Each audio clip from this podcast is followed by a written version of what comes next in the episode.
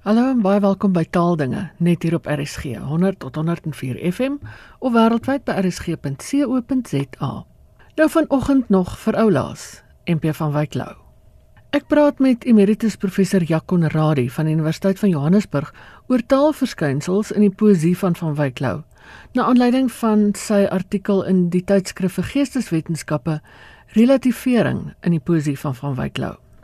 Professor Van Wyklou sluit vir ons in sy poesie 'n hele gedagtewêreld oop. Maar hy doen dit soos digters maar maak met woorde.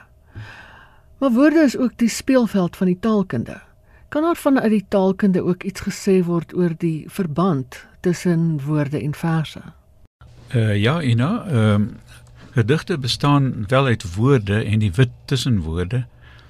Maar die verband tussen vers en woord kan nogal verwikkeld wees en uiteenlopende perspektiewe daarop kan almal geldig wees. Wat vir die taalkundige interessant of grammaties relevant is, dra nie noodwendig veel by tot die inhoud of seggingskrag van die gedig nie. Al kan 'n mens nooit weet waarom die digter 'n bepaalde woord of struktuur bo ander verkies het nie. Wat 'n taalkundige kan doen is natuurlik om af te vra of die digter nie miskien die grense van wat grammatikaal moontlik is oorskry nie is grammatikale vryheid deel van die pakket wat ons digterlike vryheid noem. So kan ons ons afvra waarom Lou so lief was vir die skynbaar oorbodige die voornaamwoord in ons arbeid, die maak nie ons harte bly nie. En 'n brein, die sal drie dinge saam leer dink het. Woordspelings is nie noodwendig besonder diepsinnig nie. Ehm um, En dan wonder 'n mens in in watter mate dit nodig is. Byvoorbeeld varksog se eier ongesog of begrypte begrippe. In gevalle soos die skrynwerker wat skryn, die ploegbaas wat ploeg en die kwaker wat kwaak. Heel sinvol is die volgende spel met 'n konstruksie waar die opskorting van verwagting hand aan hand gaan met 'n sintaktiese uh, reduksieproses sy sal nooit kom nie. Leer die verwagting af. Leer die wag af. Leer af om te luister. Leer af. Die volgende uh versreël van van Wyk Lou het al onder kritiek deurgeloop. Sy hele artikel al daar aangewy. Breinasters staan aan dit verwelk word in 'n fase.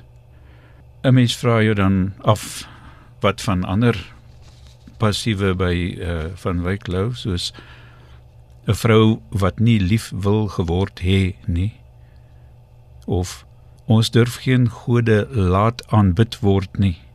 Die volgende wat uh nou nie 'n passief is nie is myns siens uh, grammatikaal uh, tog 'n bietjie bedenklik.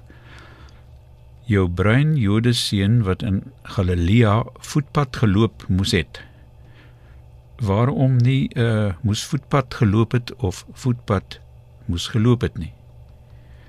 Maar dit is aldermins my doel om met 'n rooi pen deur van Wyk Lou te blaai. Ek staan eerder in verwondering voor die grammatikale vernuf van twee eenvoudige reeltjies soos Het jy die spieël gesien en ken jy jou? So let wel dit is nie met die refleksief ken jy jouself nie Maar miskien gaan dit meer oor die ken op 'n afstand. Ken jy jouself ook op 'n afstand soos ander mense jou sien? Ken jy hom? Ken jy haar? Dit is baie sterk hierdie ken jy jou, uh, vind ek. Nou, kan 'n taalkundige benadering dan nie veel wins oplewer vir die verstaan of die waardering van 'n digter se werk nie?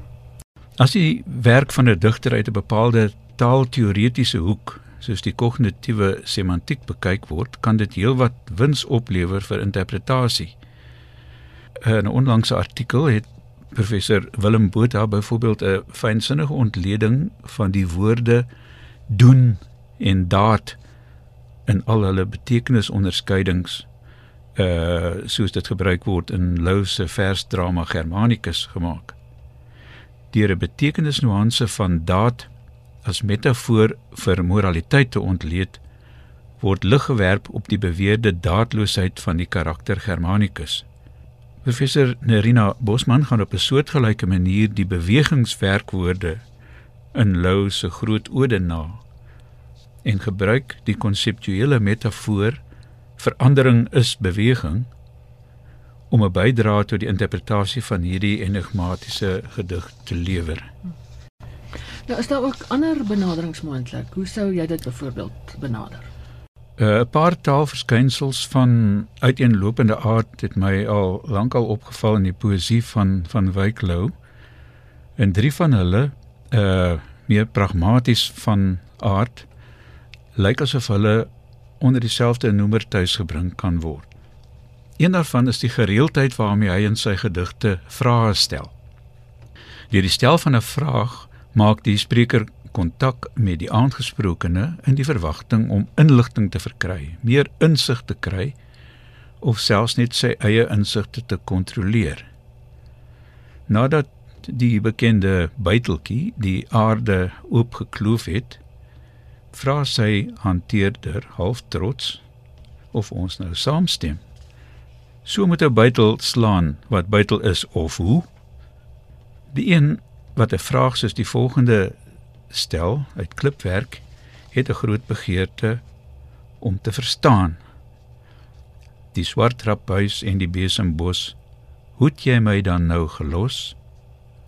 Deur 'n vraag te stel, distansieer die vraagsteller hom van sy status as alleenbesitter van kennis en insig. Keer later terug na die vraag tweede verskynsel wat my opgeval het is Lou se gereelde gebruik van modale bywoorde soos miskien wat ook 'n mate van onsekerheid uitdruk.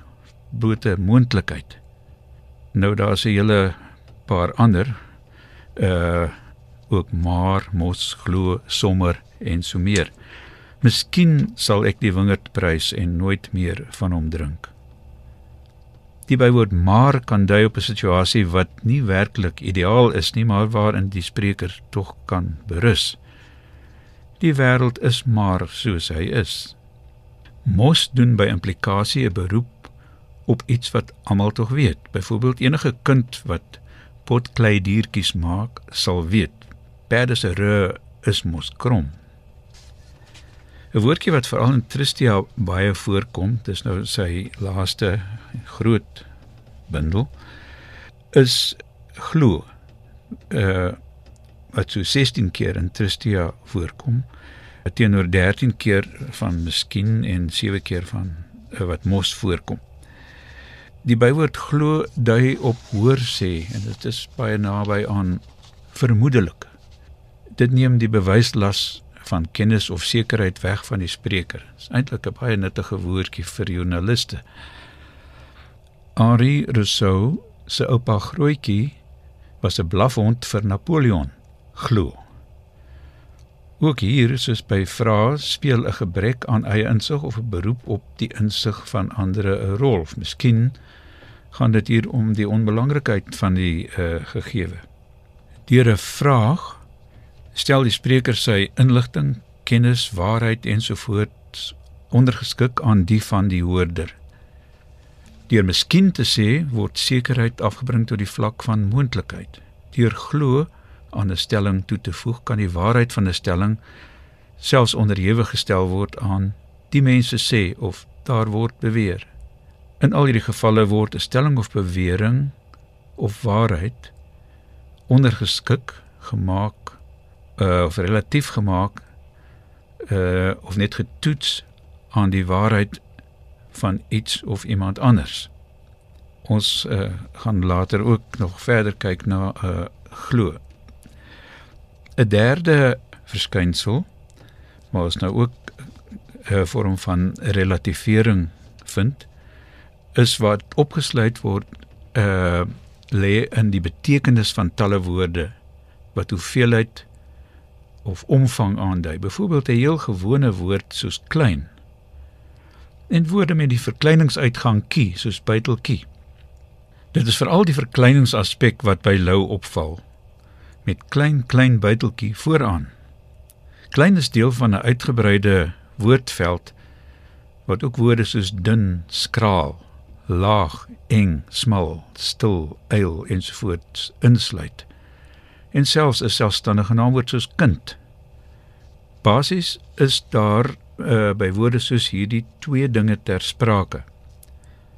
Eerstens 'n norm wat afhanklik is van dit waarna verwys word. Dis dit is verskillend vir 'n klein buiteltjie, 'n klein virusie en 'n klein heelal. En tweedens 'n vergelyking met hierdie norm. En relativering het veral te doen met gevalle wat onder die norm is, wat tekort skiet aan die norm. Wat miskien effens minderwaardig of negatief is in vergelyking met die norm. Dis te loops opvallend dat ons gewoonlik die kategorie as sodanig deur middel van die positiewe element benoem. Ons praat byvoorbeeld van die grootte, dikte, breedte, wyte of hoogte van iets en nie van die kleinte, dunte, smalte of laagte daarvan nie. Maar die woordveld kan ook uitgebrei word tot 'n punt waar kleinheid 'n positiewe kenmerk word. Dink maar aan fyn wat teenoor grof staan. Kenraka, hy, die sterk dier. Ons fyn, fyn net van die woord waarmee ons blink en vet visse uit baie waters haal.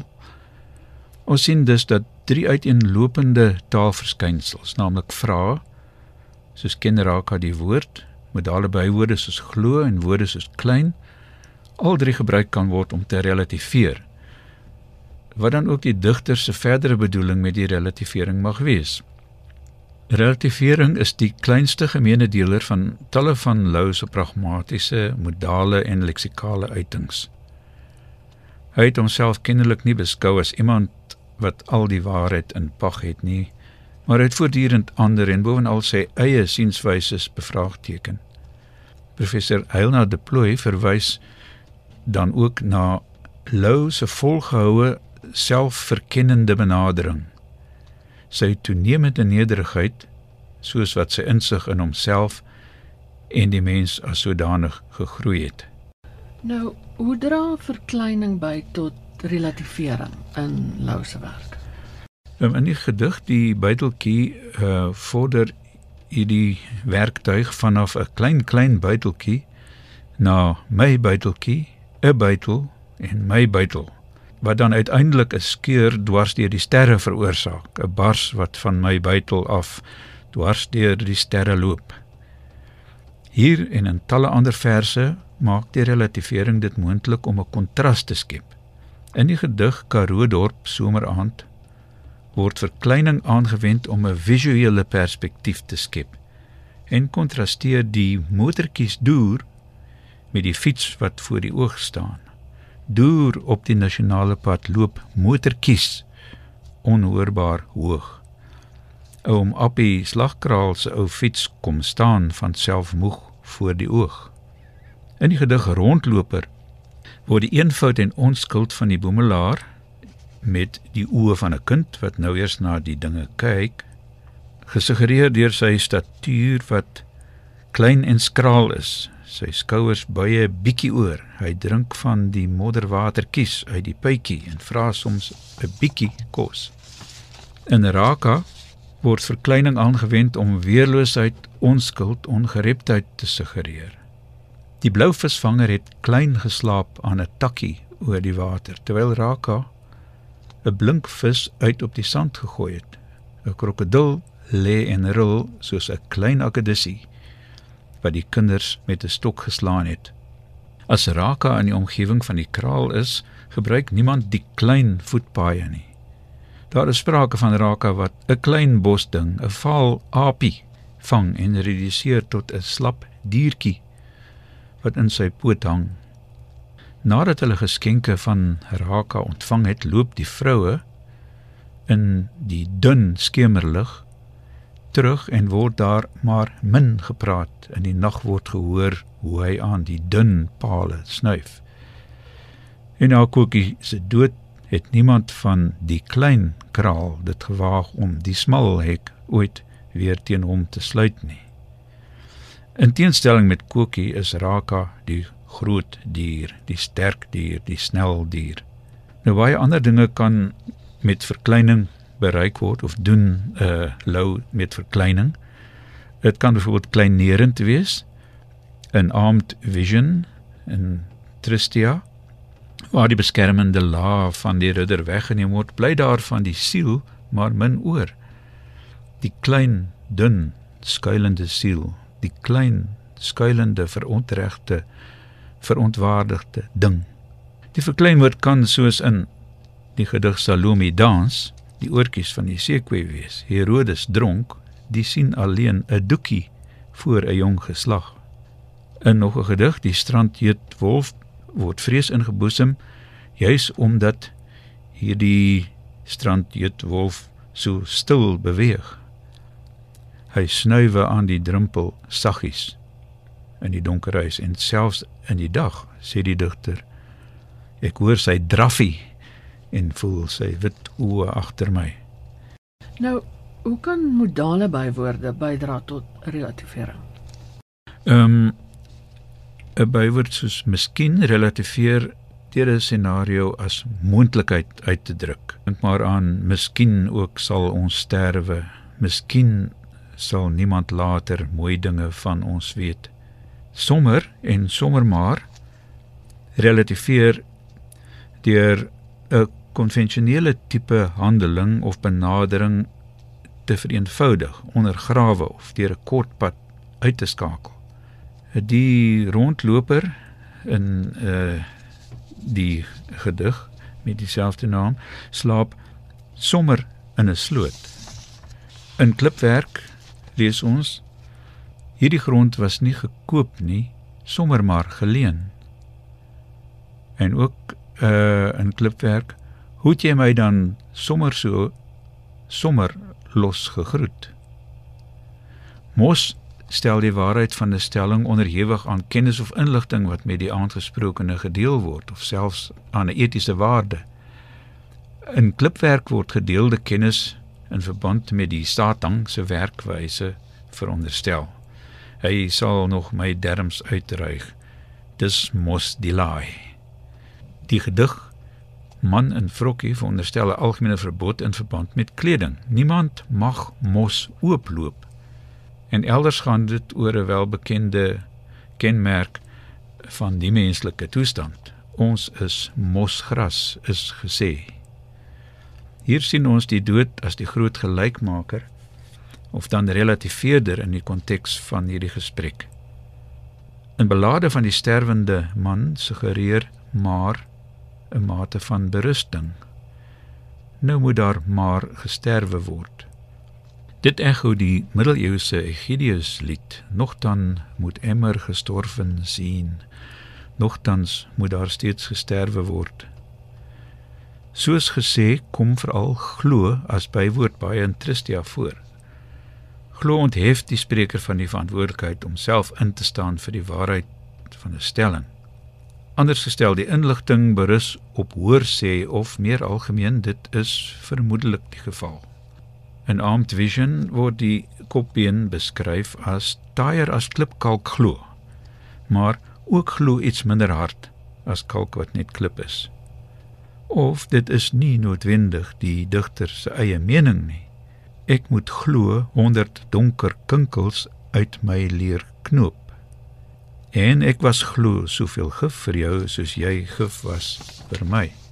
Professor kan vra ook iets bydra tot relativering ehm um, deur 'n vraag word die waarheid van 'n stelling gerelativeer deur die aangesprokene te betrek as 'n mede-verantwoordelike. As vernuwende aspekte van Tristia noem professor Rena Pretorius onder meer die fundamentele kritiese en vraende ingesteldheid die dominante ironiese toonaard en daarom gedurende relativering van insigte waardes. Vrae duik inderwaarheid oral in Lou se gedigte op. Soms gebruik Lou 'n vraag om 'n tema aan te dui. En as ek dood is, sal alles nog so mooi wees? Antwoord is moontlik vervat in 'n veel later gedig uh, met die titel nog in my laaste woorde. Mooi is die lewe en die dood is mooi. Vrae kan ook op so 'n manier gestel word dat dit wel inligting verskaf, maar ook gedeeltelik verhul 'n vrugbare teelaarde vir allerlei insinuasies. In klipwerk word een van Jafta, Josef en September of almal van hulle van iets verdink. Dit word byna 'n speelietjie. Watter antwoord pas by watter vraag? Watter man moet die trouwyn koop? Watter man moet die kind laat doop? Wie was by die vat? Dat party vra maar net 'n stelling of selfs waarskuwing in skaapsklere is, blyk uit die kroegloper se vraag. In Tristia en haar Wayu wat hy self met 'n vraag beantwoord. Mag ek in hierdie kroeg praat? Ek mag. Wie gaan belet? In die grafskrif wat die digter vir homself geskryf het, word 'n stelling wat eintlik 'n vraag is, beantwoord deur 'n vraag wat eintlik 'n stelling is. Hy het nooit danig waffer liefde ooit gekry, né? Nee? Maar watter danige lieflikheid was hy? Dis 'n grafskrif dus met die implikasie nie alle vrae word tydens ons lewe beantwoord nie. Nie alle vrae het antwoorde nie. In groot ode vra die digter: "Waarom antwoord wil hê?" Dan volg die welbekende uitspraak: "Ons weet nie, ons weet nie hoe ver die liefde lê nie." En die wat sê, die weet nie en die wat weet, die sê nie. So let hier te loops en ten slotte ook op 'n vernuftige grammatikale speletjie. 'n Drie dubbele sinnigheid. In die eerste instansie is dit 'n blote herhaling. Ons weet nie, ons weet nie. Maar dit kan ook beteken ons weet nie dat ons weet nie. Maar selfs ons weet nie dat ons nie weet nie. Dit was professor Jaco Neradi, emeritus professor verbonde aan die Universiteit van Johannesburg. En daarmee is dit ook tyd om te groet. Geniet die res van die dag in RSG se geselskap, bly veilig, bly gesond en van my Ina Strydom groete tot 'n volgende keer.